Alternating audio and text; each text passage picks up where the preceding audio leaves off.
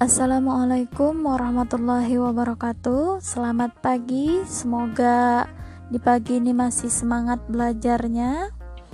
Hari ini kita akan melanjutkan materi kita yang kemarin di hari Rabu, yaitu uh, hari ini kita belajar tentang faktor pembentuk kelompok sosial. Adapun tujuan pembelajarannya hari ini, setelah mempelajari materi faktor pembentuk kelompok sosial, Siswa diharapkan mampu memahami faktor-faktor apa saja yang menjadi pembentuk munculnya kelompok sosial yang ada di masyarakat. Oke, kita langsung saja ke materi.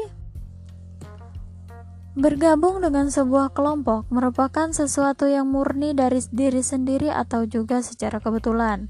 Misalkan, seseorang terlahir dalam keluarga tertentu, namun ada juga yang merupakan sebuah pilihan.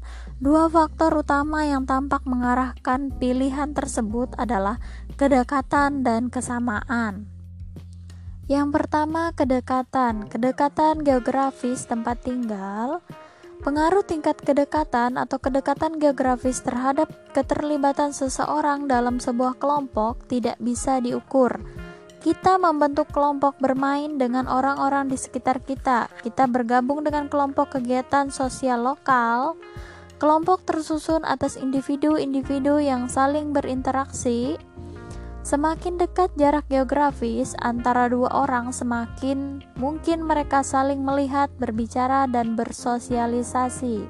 Singkatnya, Kedekatan fisik meningkatkan peluang interaksi dan bentuk kegiatan bersama yang memungkinkan terbentuknya kelompok sosial.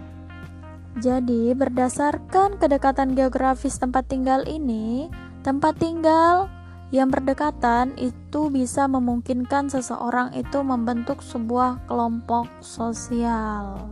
Misalnya, Siswa yang tinggal di daerah Tanah Priuk memungkinkan mereka untuk membuat perkumpulan anak Tanah Priuk City misalnya.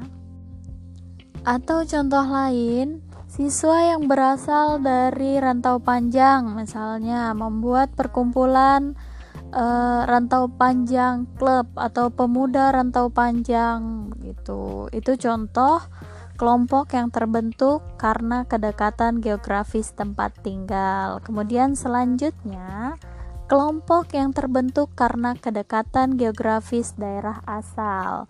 Ketika seseorang merantau masih di daerah asal, maka semakin besar kemungkinan seseorang individu untuk melakukan komunikasi.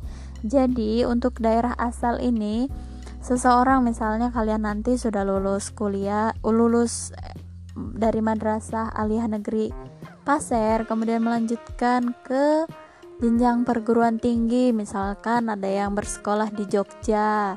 Di sana kalian bertemu dengan teman kalian yang berasal dari daerah Pasir.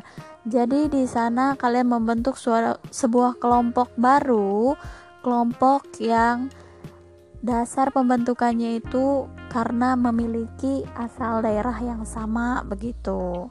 Misalnya KPMKP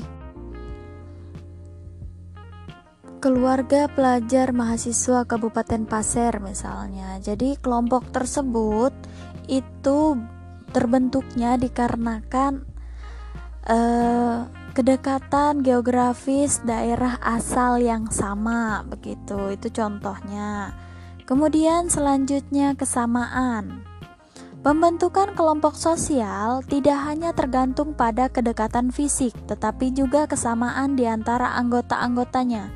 Sudah menjadi kebiasaan, orang lebih suka berhubungan dengan orang yang memiliki kesamaan dengan dirinya. Kesamaan yang dimaksud adalah kesamaan minat, kepercayaan. Kepercayaan ini berhubungan dengan agama, ya, misalnya sama-sama beragama Islam kemudian sama-sama beragama Kristen misalnya. Itu kesamaan kepercayaan. Kemudian kepercayaan nilai. Nilai itu sesuatu yang kita anggap penting.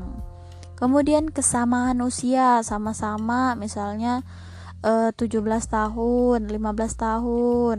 Jadi nyambung ngomongnya misalnya karena usianya sama kemudian kesamaan tingkat intelijensi. Tingkat intelijensi ini uh, lebih ke kemampuan berpikir seseorang. Misalnya, seseorang membentuk kelompok karena mereka memiliki tingkat intelijensi yang sama. Eh, sama-sama misalnya cerdas jadi mereka membentuk sebuah kelompok begitu. Kemudian Selanjutnya, kesamaan karakter personal. Karakter personal ini misalnya kelompok sama-sama tukang lawak, misalnya orang-orang yang lucu, mereka membentuk sebuah kelompok. Orang-orang yang serius, misalnya begitu. Itu untuk kesamaan ya. Kesamaan ini sendiri ada beberapa poin. Yang pertama, kesamaan kepentingan.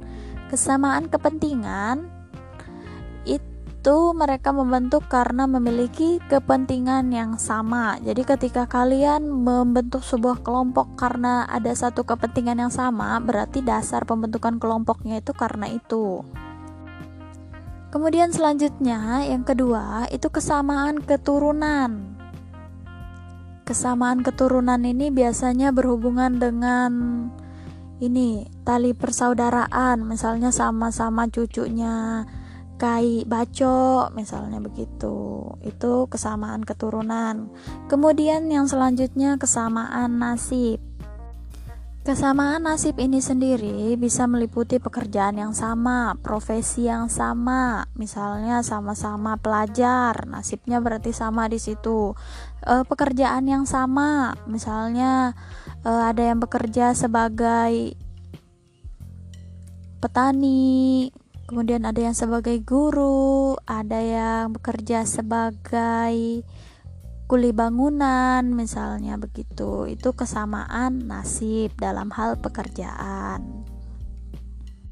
Oke, itu saja untuk materi hari ini yang berhubungan dengan faktor pembentuk kelompok sosial. Jika ada yang ingin ditanyakan, silahkan ditanyakan. Nanti Ibu kasih sesinya tersendiri untuk kesempatan bertanya.